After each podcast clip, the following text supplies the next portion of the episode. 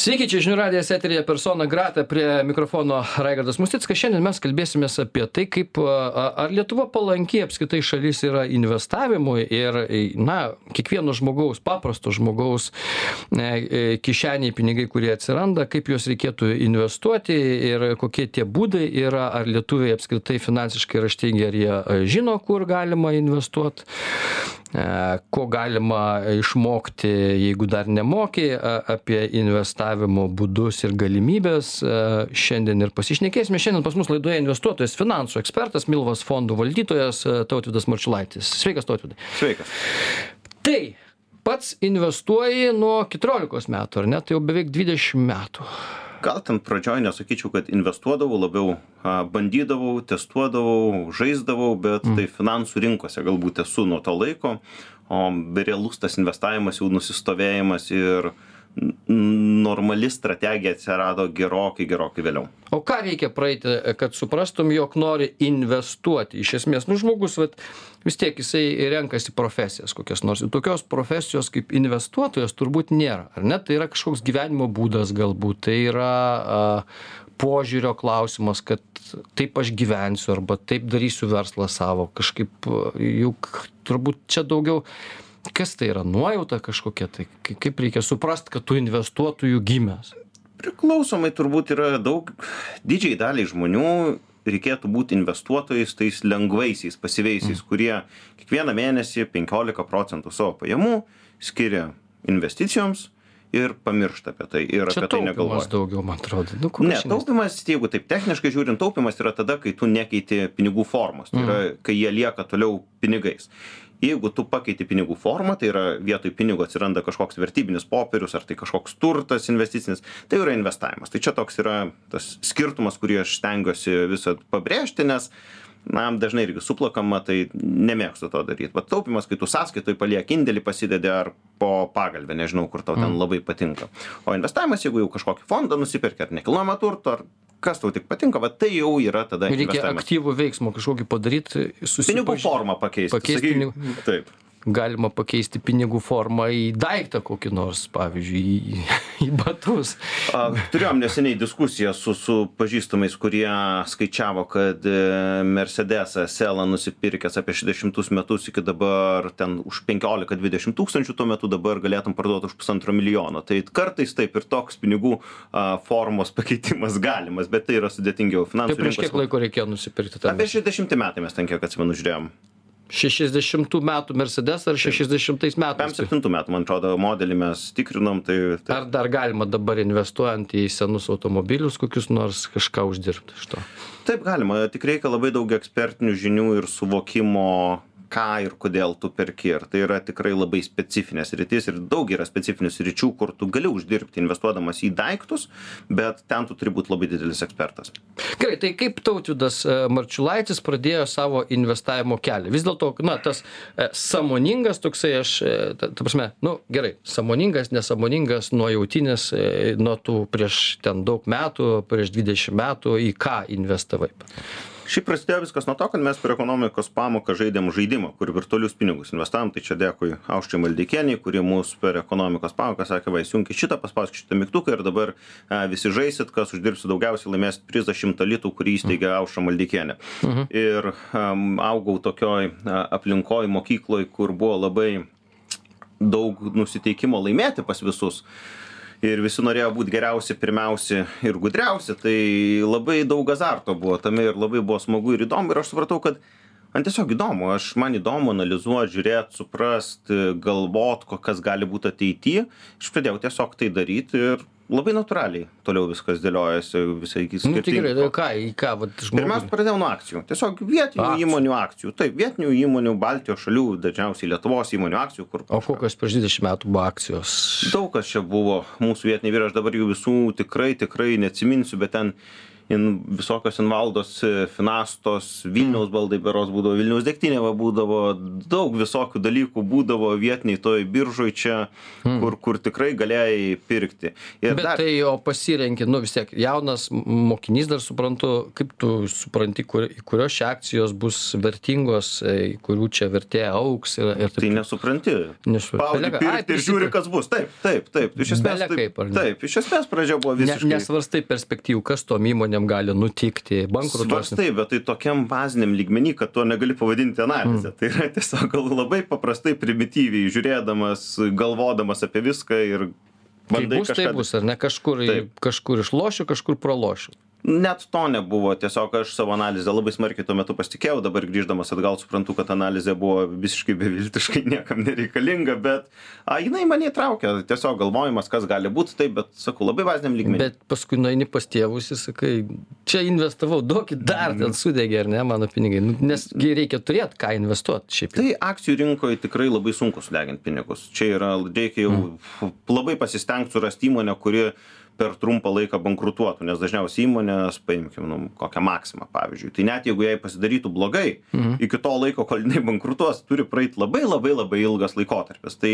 tiesiog taip paimti ir sudeginti pinigus su akcijom yra sudėtinga. Tu turi arba iš skolintų pinigų dirbti, tai yra tada jau tiesiog tavo, tavo dalis sudega ir tu paskolą turi gražinti ir tada jau nebelieka, arba turi labai egzotiškai jau kažką ieškoti, nu, tikrai su- sudėtinga tai padaryti. Gopšo žmogaus bruožas e, ir negopšo žmogaus bruožas yra koks nors, vat, sakykime, kai, kai kalbi, nu, čia nežinau, pavyzdys Maksima ar ne pavyzdys čia galėtų būti, bet, na, nu, kai, kai negopšo žmogus, tai jis renkasi tas įmonės, kurios daug laiko jau, pra, jau yra rinkoje, daugiau mažiau patikrintos ir kad bankrutuotų, nu, viskas bankrutuoja kartais.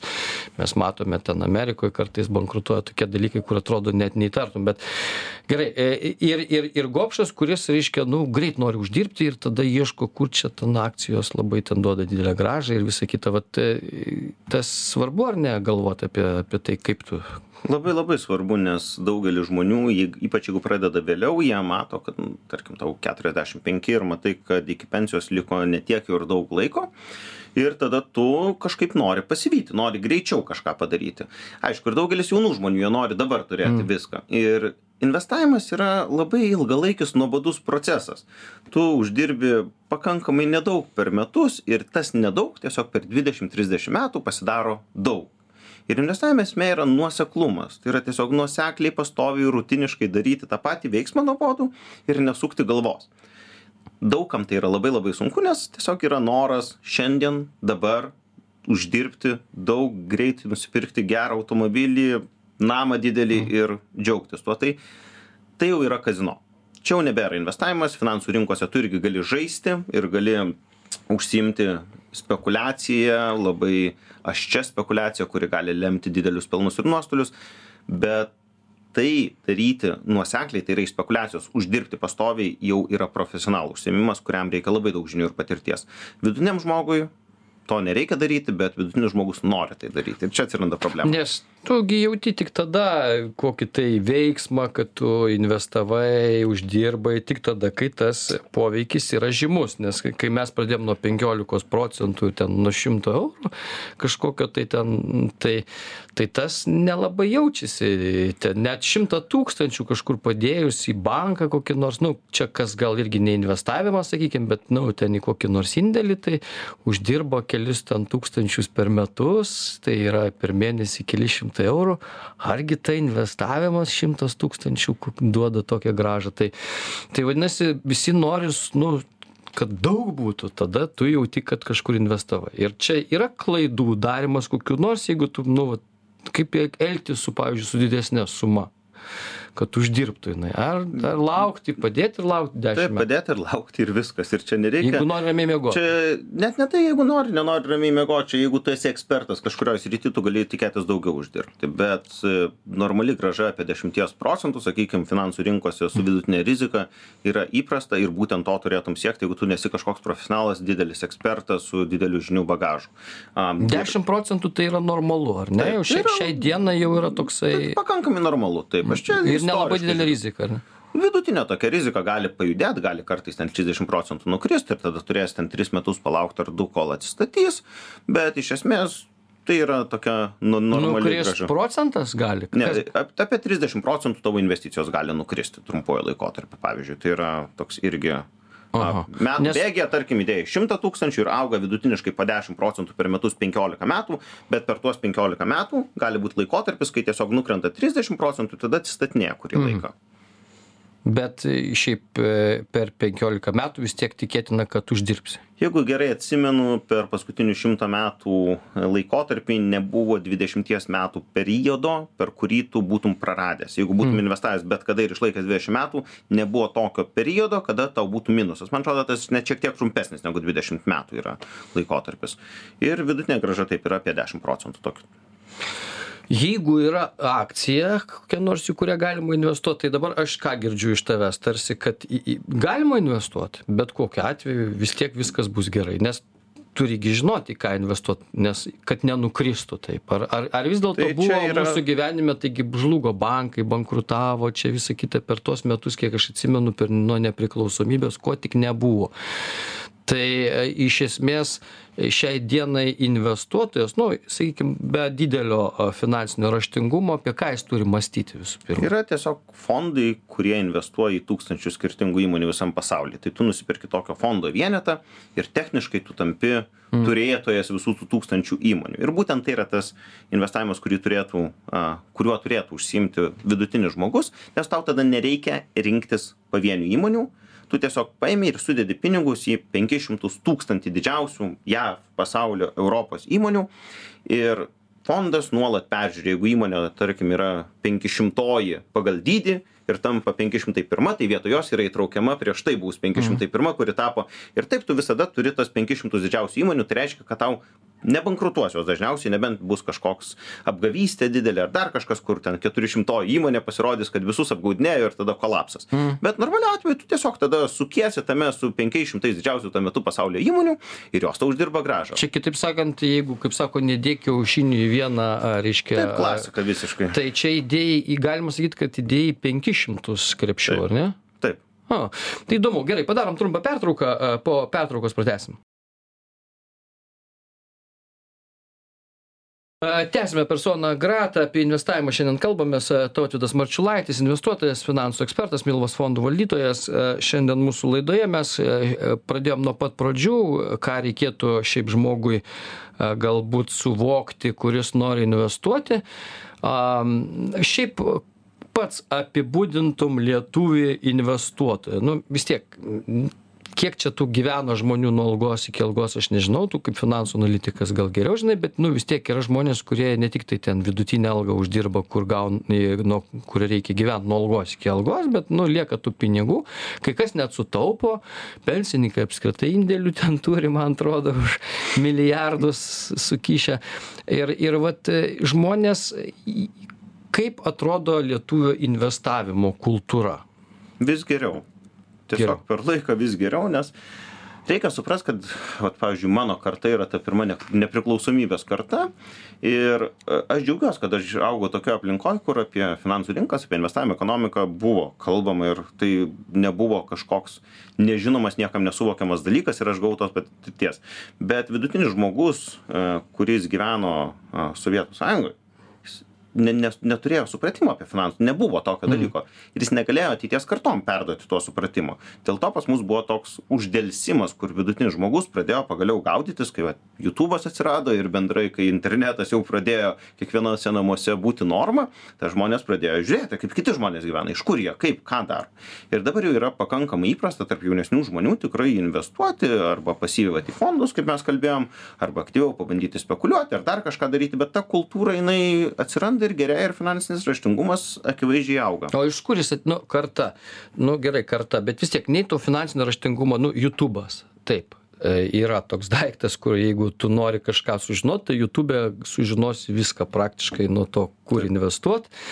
Ir kaip žoliapjovę išardyti ir surinkti ir tarpinę pakeisti. Bet tai čia tai neduoda žmogui pasitikėjimo tam tikro. Na, vis tiek mes esam tokie, dar jeigu ir perkam iš interneto kažką, tai vis tiek visą laiką baisu. Ir baisu, kad ne tą prekę atveš, ten netiks kas nors ir, ir taip toliau, geriau pačiupinėti. Ir tai va šitoje vietoje su investavimu pasitikėjimo užtenka, nes kiek aš susidūręs esu su žmonėm čia kurie būna studijoj tai investuoja į kitas į platformas įvairias arba į į kitokios rūšies turtą negu į nekilnojamą turtą. Tai tik žmonės kurie šiaip baigę finansus arba bankininkai kokie nors dirbantys bankuose ten.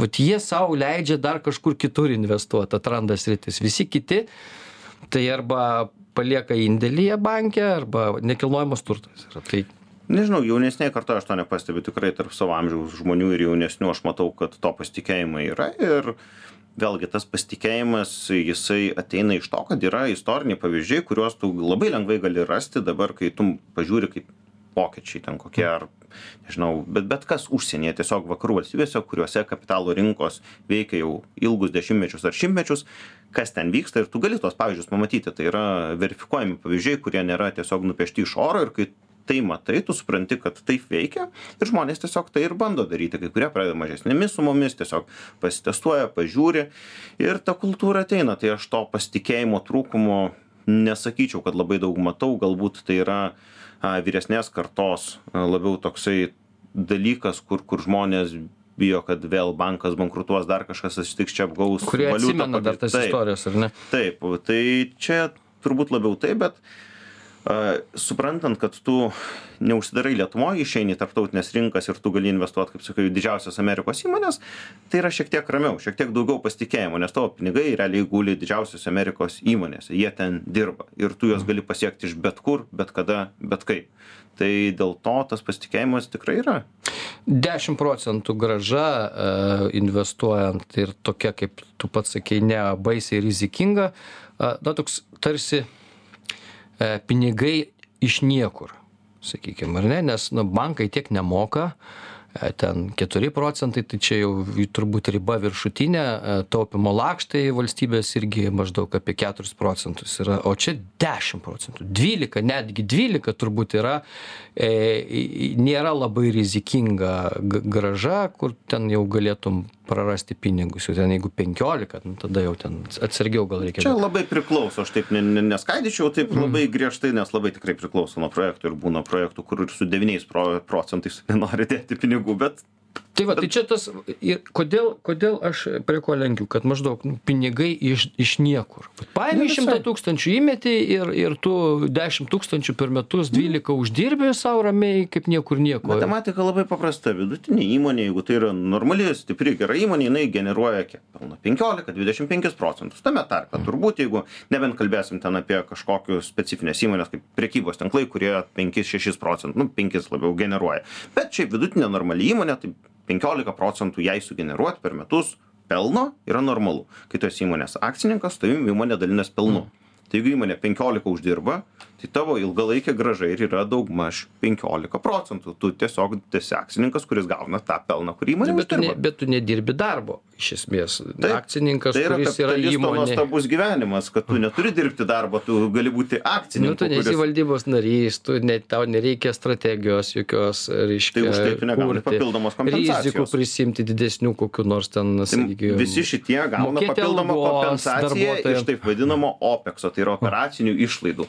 Ir tai yra ta- tai, kad tu pasakoji ir ką vardini, tai yra iš jau iki pelno atėjus jau tie pinigai išplaukia tiem Mm. žmonėm, kurie skiria laiko ir prisima rizikas. Tu kaip pasivus akcininkas gauni jau tai, kas lieka po visko, po visų gražių dalykų, visų strateginių valdybų, privačių lėktuvų ir visų balių įmonės ir taip toliau, tau jau lieka tas pats pats galas kaip akcininkui. Tai ir tai yra labai įprasta normalu, nes tu finansuoji įmonę, tu prisimi riziką, dėdamas savo pinigus ant stalo, a, grinai įmonės veiklos riziką ir už tą riziką tai kompensuoja įmonės pelno. Nes, na, tą riziką reikia dar pasverti, žinoti, kas ten dirba, kaip dirba, kas, e, kiek ten algos moka, ar ten įmonė socialiai atsakinga, kiek, kokia jos strategija, visa kita. Ir tai, tai jau ne mano reikalas yra. Ar aš ar ar mano reikalas? Jeigu investuoji į vieną įmonę tai yra labai labai tavo reikalas. Jeigu Mm. investuoji į tūkstantį įmonių tai yra mažiau tavo reikalas. Bet tie kas investuoja tūkstantį įmonių nu fondų valdytojai įvairiausi tai jie kiekvieną pasvėrę ten yra ta įmonė tai nebūtinai priklausomai nuo strategijos. Gali būt strategija tiesiog bukai investuoti į tūkstantį didžiausių įmonių pagal jų rinkos kapitalizaciją. Ir tiek. Ir tada tau tu nesveri tu tiesiog prisiimi taip vadinamą rinkos riziką. Tai ir važiuoji kartu su rinka. Yra valdytojų kurie dažniausiai investuoja jau mažiau tai yra iki kokio šimto sakykim įmonių kurie jau kiekvieną atrinkinėja žiūri dirba ir daro. Pavyzdžiui aš kaip fondų valdytojas turiu portfelyje apie trisdešim skirtingų įmonių. Kiekvienos jų vadovybę akcininkus aš pažįstu žinau ir per metus stengiuosi susitikti su daugeliu jų ir pasikalbėti apie gyvenimą kas vyksta kaip vyksta čia lietuvoj ar visur E, baltijos šalys plius skandinavija Hmm. Nu, įdomu. Gerai, padarom trumpą pertrauką, a, po pertraukos pratęsim. Tęsime personą Grata, Tautvidas Marčiulaitis, investuotojas, e, finansų ekspertas e, šiandien mūsų laidoje ir fondų valdytojas, taip pat e, žmogus, kuris apie investavimą žino daugiau negu paprastas, neapsišvietęs iki galo Lietuvos pilietis. bet, bet esmė yra tame, kad mes bandome apsišviesti iš to klausimų na, ir, ir suprasti, ką, kaip čia daryti ir kur čia investuoti, nes tarsi mes vartom čia tokias sumas jau pakankamai galingas ir, ir, ir įsivaizduojam, kad, kad uh, iš to galima gyventi, bet ar iš to galima gyventi, klausimas, e, nes tada reikia turėti pradžiai nemažai pinigų, kad uždirbtum algą savo. Ar, ar gali investuotojas, nu, aš suprantu, kad tavo tai yra žmogaus kaip finansininko, tai čia yra duona, iš to tu gyveni, čia tavo verslas, ar ne? Bet šiaip žmogui, vat, kuris sakytų, ai, atsibodo man dirbti ir, ir aš, nu, norėčiau uždirbti, nu, nežinau, bent jau vidutinę algą, nu, gerai, 2000, sakykime, eurų į rankas iš investavimo. Tai a, kiek, kaip čia turėtų tas jo investavimas atrodyti? Tai yra skaičiavimai, kad jeigu tu iš investicijų įsitrauki per metus tarp 3 ir 4 procentų, tu gali amžinai, teoriškai amžinai, neskaitant ten juodųjų gulbių kokių nors atskrendančių, bet taip labai teoriškai, amžinai juos išsitraukinėti. Tai jeigu tu turi iki gyvenimo pabaigos skaičiuoji kokį 40 metų, tu 4-5 procentus taip išsitraukdamas iš krepšelio, kiekvienais metais gyvenimui gali gyventi. Nu, tai sukant šitus skaičius atgal į tavo 2000, tai yra pusę milijono su kažkiek, jeigu tu turi, tai vat tu tiesiog pakankamai ramiai gali Nu, tai ir daryti. Kas turi pusę milijono, paskambinkite studiją. Ne, nėra tiek daug, jeigu, jeigu tu vėlgi, Lietuva labai turtingėja ir atsimenu seniau 100 tūkstančių eurų būdavo tikrai labai dideli pinigai, dabar 100 tūkstančių eurų iš mano praktikos, iš bendravimo tikrai nebėra tokie dideli jau pinigai ir vis daugiau žmonių turi, jeigu tu darai karjerą, a, ta, ab, tarkim, dviese gyvenat, vyras, žmona, abu daro karjerą, abu dirba gerose pozicijose, uždirba 5-6 tūkstančių eurų į rankas ir tiesiog investuoja tos pinigus, elgesi pagal galimybės, ne pagal norus, tai yra neištaško visų pinigų naujom mašinom ir visokiam žaisliukam, o tiesiog atsakingai investuoja ir taip toliau, tai tikrai ties kokių 50 metų riba tai yra pilnai pasiekiama, arba jeigu užsuki nedidelį versliuką, 10 metų įpaugini, už pusę milijono įparduoti tikrai, tikrai galima. Tai čia nėra nerealu, čia tiesiog yra nustikimo klausimas ir tu jau būdamas 25 turi atsakyti, ar nori to. Mhm. Jeigu tu sugalvoji 50, kad galbūt norėtum visą gyvenimą nejudėjęs tą linkmę, tada sunku. Jeigu tu nuo jau jaunystės supranti, kad nori to, tai tai yra visiškai gyvendama. Bet vat smulkmena jos to pusę milijono, kad e, iš tikrųjų e, tu turi, nu taip, jeigu tu jau e, tavo įmonė versliukas, kurį tu ten turėjai, gali parduoti už pusę milijono, tai gali ir nebeparduoti. Jisai tau ir taip uždirbinės pinigus, turbūt, jeigu uždirbinė, nebent nu, jau nori Sakai, visai. kad nori nieko neveikti. Nieko tai, neveikt, Taip, tai nieko tada reikia neveikt. parduoti. Jo, nieko neveikti, bet iš kitos pusės tokio stebuklo ant žemės Lietuvos, kur tu neturėjai pradinio kapitalo kažkokio ir, ir iš vien tik tai žaidimo kažkokio biržoje, nežinau, pirkimo, pardavimo, keitimo ir dar kažko e, sunkiai. Nesunkiai, jeigu vidutinę. vėl aš galiu paskaičiuoti paprastai, jeigu tuos 10 procentų Mm. mes pasimkim, tai jeigu tu nuo kokių 22 metų iki 55, sakykime, investuosi po vidutiniškai 300 eurų per mėnesį, tai yra gali iš pradžių mažiau, po to auginti tą sumą, tai tu sukaupsi, va, į fondus investuodamas tikėtina kažką tarp pusės milijono ir milijono eurų. Tai yra labai tiesiog toks vidutinis standartinis scenarius, kuris, pavyzdžiui, Amerikoje, vakarų pasaulio bendrai yra visiškai įprastas.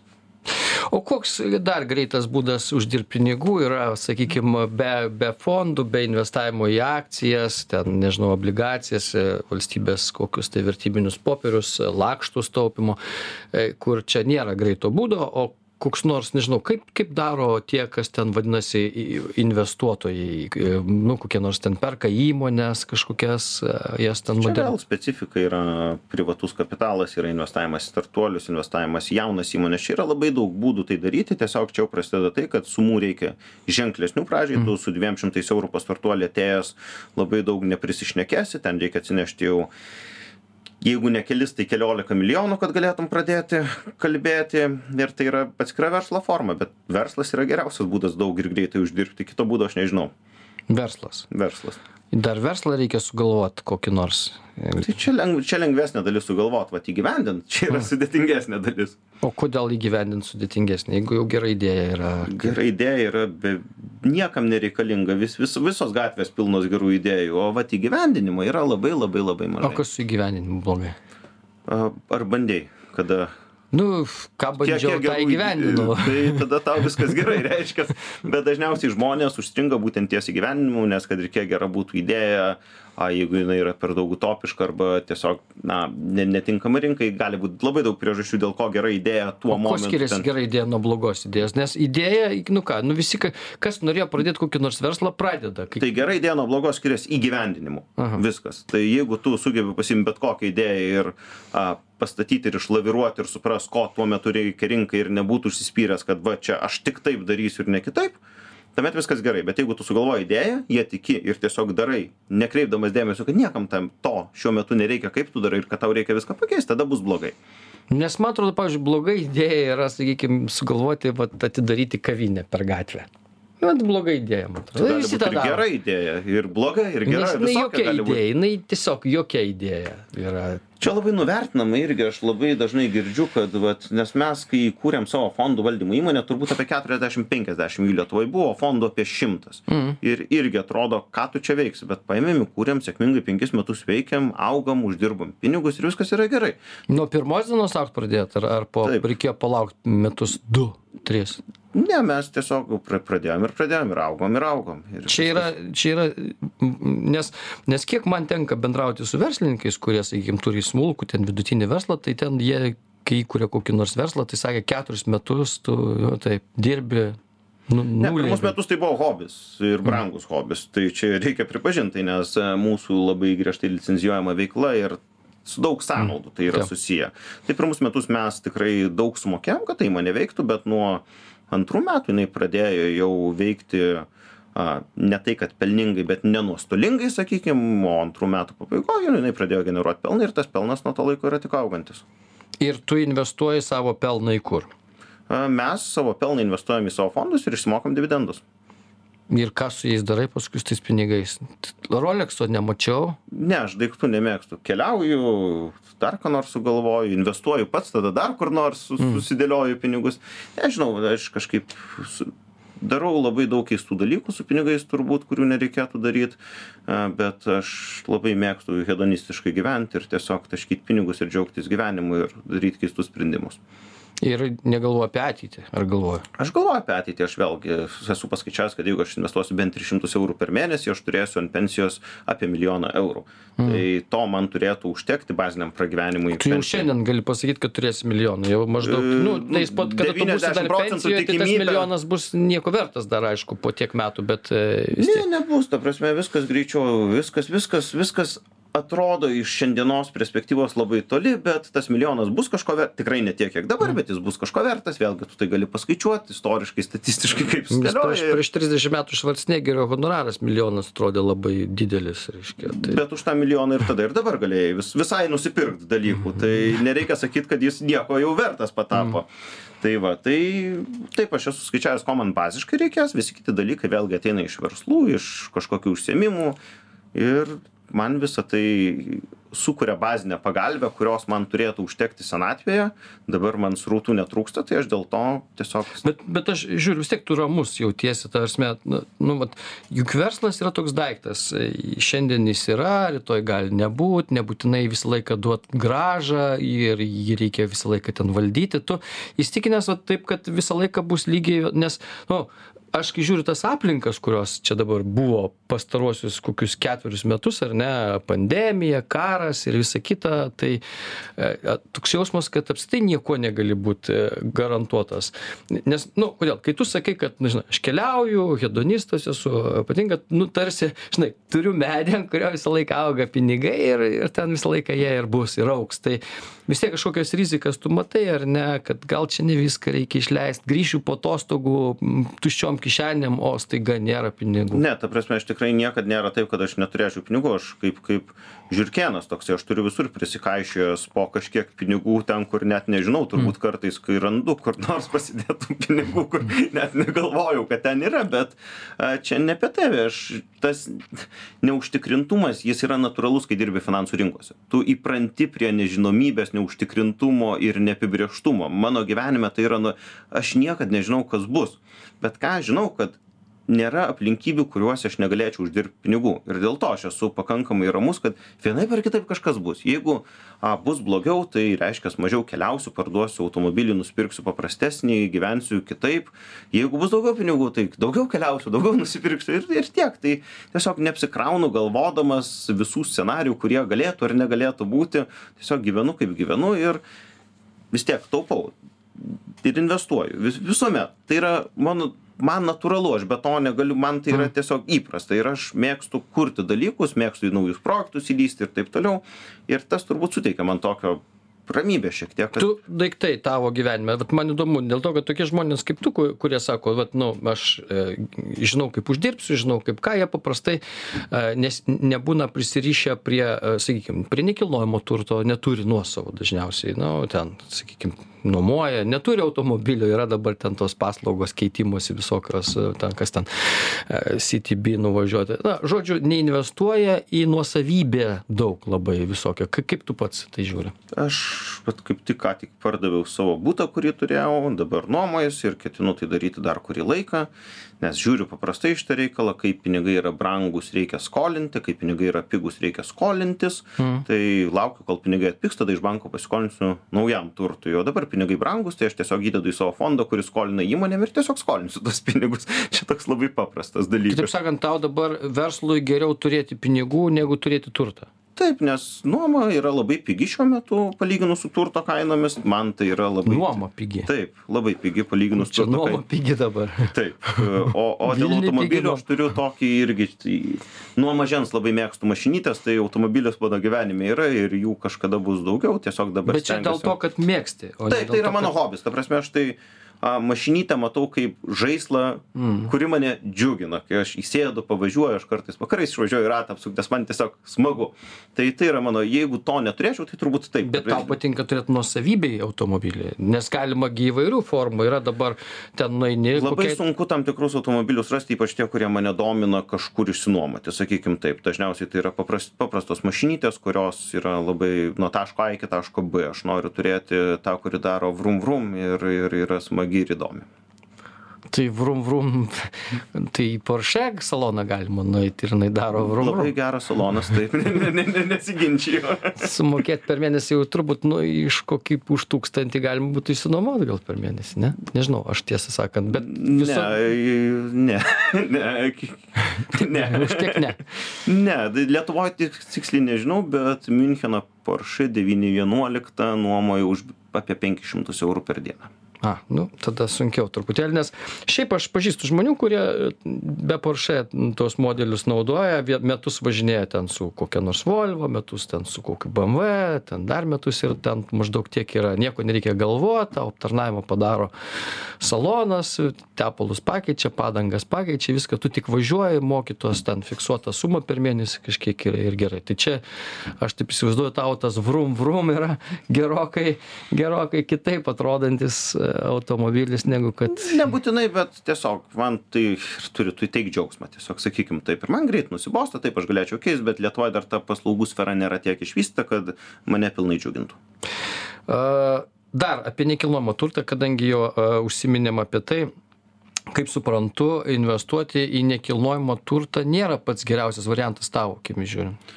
Ne, ypač šiuo metu, kai paskolos yra brangios ir nuoma yra pigi, aš tikrai nematau, kodėl reikėtų. Kodėl tu tai pabrėži, nuoma yra pigi? Tai žmonės Nuoma yra pigi, nes viskas finansus yra skaičiuojama procentais per metus. Tai Mm. iš nuomos vidutinio būto šiuo metu Lietuvoje, jeigu tu nesi verslininkas, kuris perka kažkokį nudroštą būtą iš aukciono, tada Mm. jį rekonstruoja ir taip toliau, čia visai kitas rytis. Aš nekalbu apie šitus, aš kalbu apie tą įprastą investavimą, kur nusipirki būtą ir jį išnuomai. Taip. Tai iš tokio projekto tu gali apie 5 procentus per metus tikėtis iki susijusių sąnaudų. Reali graža yra tarp 3 ir 5 procentų vidutinio tokio projekto.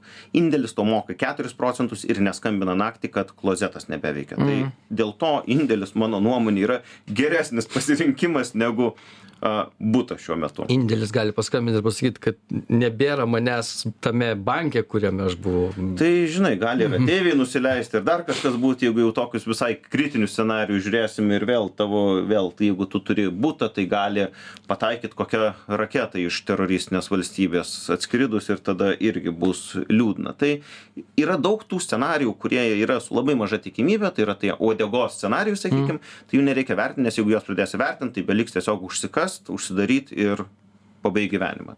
O žiūrint paprastai būtiškai, tai tikrai gali. Gerai, o tu, kai sakai nuoma pigi, tai tu turi omeny, kad e, nuomos kainos jos per mažos Lietuvoje ar kažkaip nepasiekia Arba kažko. būtai per brangus, arba nuomos per mažos. Vienas iš dviejų. O būtai, nu, būtai per brangus? Nes ne, ne, neturiu atsakymą, bet vienas iš tų teiginių yra tiesa. Arba nuomos per mažai prašo, arba būtų kainos yra per didelės. Kuris iš jų yra tiesa, tai čia jau rinka atsakys su laiku. Mm, lietuvių investavimo vis dėlto, na, dar įpročiai yra į nekilnojamą turtą. Kodėl, kodėl žmonės vis dėlto renkasi tai? Nes tai yra labai užtikrinta ta prasme, kad tu visada ateini, pačiupinėjai tą plytą, Nu, langą ir nuosavybės jausmas. pasidžiaugi, kad, kad va dar yra, dar mm. stovi. O tie papiriukai, pinigėliai, skaičiukai ekranuose, tai čia yra kažkas tolinimo. Man yra atvirkščiai, aš a, būtą dabar, kai pardavinėjau, aš tiesiog tai buvo didžiausia kančia turbūt per mano gyvenimą iš Lietuvos banko licenciją mūsų fondų valdymo įmoniai gauti buvo lengviau negu šitą projektą padaryti viso papirizmo ir visko atžvilgiu. Tai aš Nusisamdyti reikėjo, kas nors būtų. Tai aš padaręs. turiu nusisamdę žmogų ir tai daro ir man vis tiek yra tai per sudėtinga.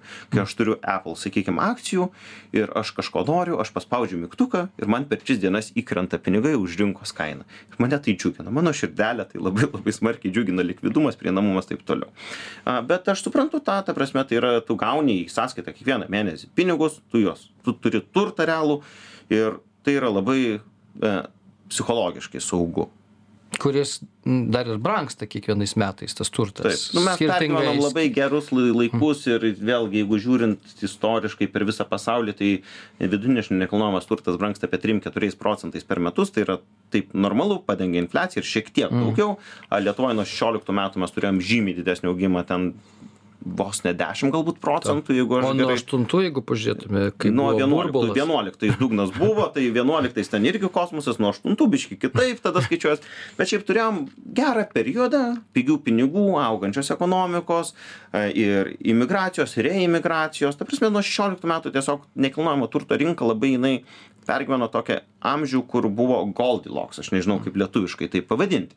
Ir dėl to visi labai dabar tiki to nekilnojamo, bet su aukštom palūkanom ir jeigu vėlgi e, populiacijos e, miestų didmiesčių augimas sumažės, tai atvės šiek tiek tą rinką. Ir aš nesakau, kad turi pikti, bet jeigu pradės būtų kaina aukti po 2 procentais per metus ir tu gausi iš nuomos 4 procentus realius, tai tu gausi 6 procentus vidutiniškai. Kas nėra ypatingai daug, įvertinus sakau, tai kad tu turi laiko skirti tam, kad administruoti tuos dalykus. Mm. E, tu savo laiku uždirbai iš kriptovaliutų nemažai, ar ne? Nu, bent jau Piniginė prasme mažiau negu procentinė, sakykim taip. Mhm. Bet, bet apsimokėjo. Aš vis dar mėgstu kripto, man tai yra nauja turto klasė, kuri mane labai domina, aš matau perspektyvas į ateitį kripto, sakykime, kaip technologijai, aš nemanau kad tai kas vyksta dažniausiai ypač aprašoma populiarioj medijoj yra tai apie ką reiktų kalbėti. Matau tikrai daug adaptacijos šitai technologijai ir manau kad ateity jinai bus naudojama ir pritaikoma. Tik ne taip ne spekuliacinėm nesąmonėm ir ne uždirbimui iš kažkokių keistų žetonų kurių niekam nereikia bet tiesiog infrastruktūros prasme kripto gali supaprastinti labai daug procesų ir aš manau kad ta adaptacija per laiką įvyks. Bet šiaip tai kas dabar vyksta su kriptovaliutom tai turi kažkokias apskritai kriptovaliuta aš turiu supratau ką tu pasakei ateitį mums reikės numatyt alternatyvios valiutos kažkada tai bet vat su ta kuri dabar jinai jinai ar čia yra na kaip sakyt mados laikas buvo arba nežinau gudrybės kažkoks laikas kai kažkas uždirbo kažkas investavo kažkas iš to prasisuko bet bet šiaip tai realiai kad na tai būtų kaž kažkokia reali apčiuopiama valiuta. Yra apčiuopiamybės pavyzdžiui eteriumas turi apčiuopiamybės nes jisai tampa kaip infrastruktūriniu pagrindu ne pats kaip valiuta sakykim kuri atsiskaito bet kaip infrastruktūriniu technologiniu pagrindu a tarptautiniams mokėjimams atlikti kur daugelis didelių įmonių daug tikrai žiūri kaip padaryti vidinius mokėjimus taip toliau. Centriniai bankai žiūri kaip išnaudoti vėlgi tą patį eteriumą jo infrastruktūrą tokenizavimui pavyzdžiui valstybinių obligacijų. Tai yra daug dalykų kur yra lipdoma bet tai nėra tai ką mes girdim viešoj erdvėj populiariose medijos nes ten girdis tos istorijos kurios yra neįdomios jos yra trumpalaikės mados bereikšmės o tie dalykai jie vyksta šiek tiek kitaip. Bet tai yra natūralu kaip ir kiekviena technologija jeigu prisiminsim internetą ir ypač du tūkstantuosius du pirmus metus irgi visi tiesiog darė kažką su internetu ir buvo labai daug šlamšto kurio niekam nereikėjo kur buvo mados reikalas bet pati pamatinė technologija jinai vystėsi toliau ir ties tuo susikūrė infrastruktūrinių įmonių bendrai įmonių kurios išnaudoja tą technologiją. Aš manau kad su kripto panašiai bus tai yra kaip technologija blokų grandinės. Jos liks ir mes jas naudosim. Ar visi tie žetonai liks kurie yra dabar? Tikrai ne devyniasdešim devynių procentų jų nereikia ir tai yra visiškas šlamštas niekam nereikalingas. Bet dabar turbūt jau yra kuriami tam tikri projektai kripto erdvėje kurie išliks ir po dvidešim metų ir kurie bus naujieji amazonai gūglai ir eplai šio pasaulio baigėsi laikas liko gal minutė tai dar vienas paskutinis koks nors patarimas tavo visuomenei kuri turi pinigų iš tikrųjų mes turim tų pinigų ir na noriu kad jų dar daugiau būtų. Nuo ko pradėt? Žinai kaip jėzuitas ramybės. Ramybės tiesiog. Nes labai daug visi nori labai greit dabar iš karto ramiai reikia nuosekliai po truputį po truputį daryt turėt strategiją ir jos tiesiog siekt dešimtmečiais ir viskas tada bus labai gerai. Gerai tai jėzuitiški palinkėjimai čia labai tinka. Tautvydas marčiulaitis investuotojas finansų ekspertas fondų valdytojas šiandien buvo mūsų laidoje. Ačiū tautvydai kad atėjai. E, ačiū už patarimus. E, tai buvo persona grata. Dėkui visiems kas klausėsi. Iki kitų kartų. Ačiū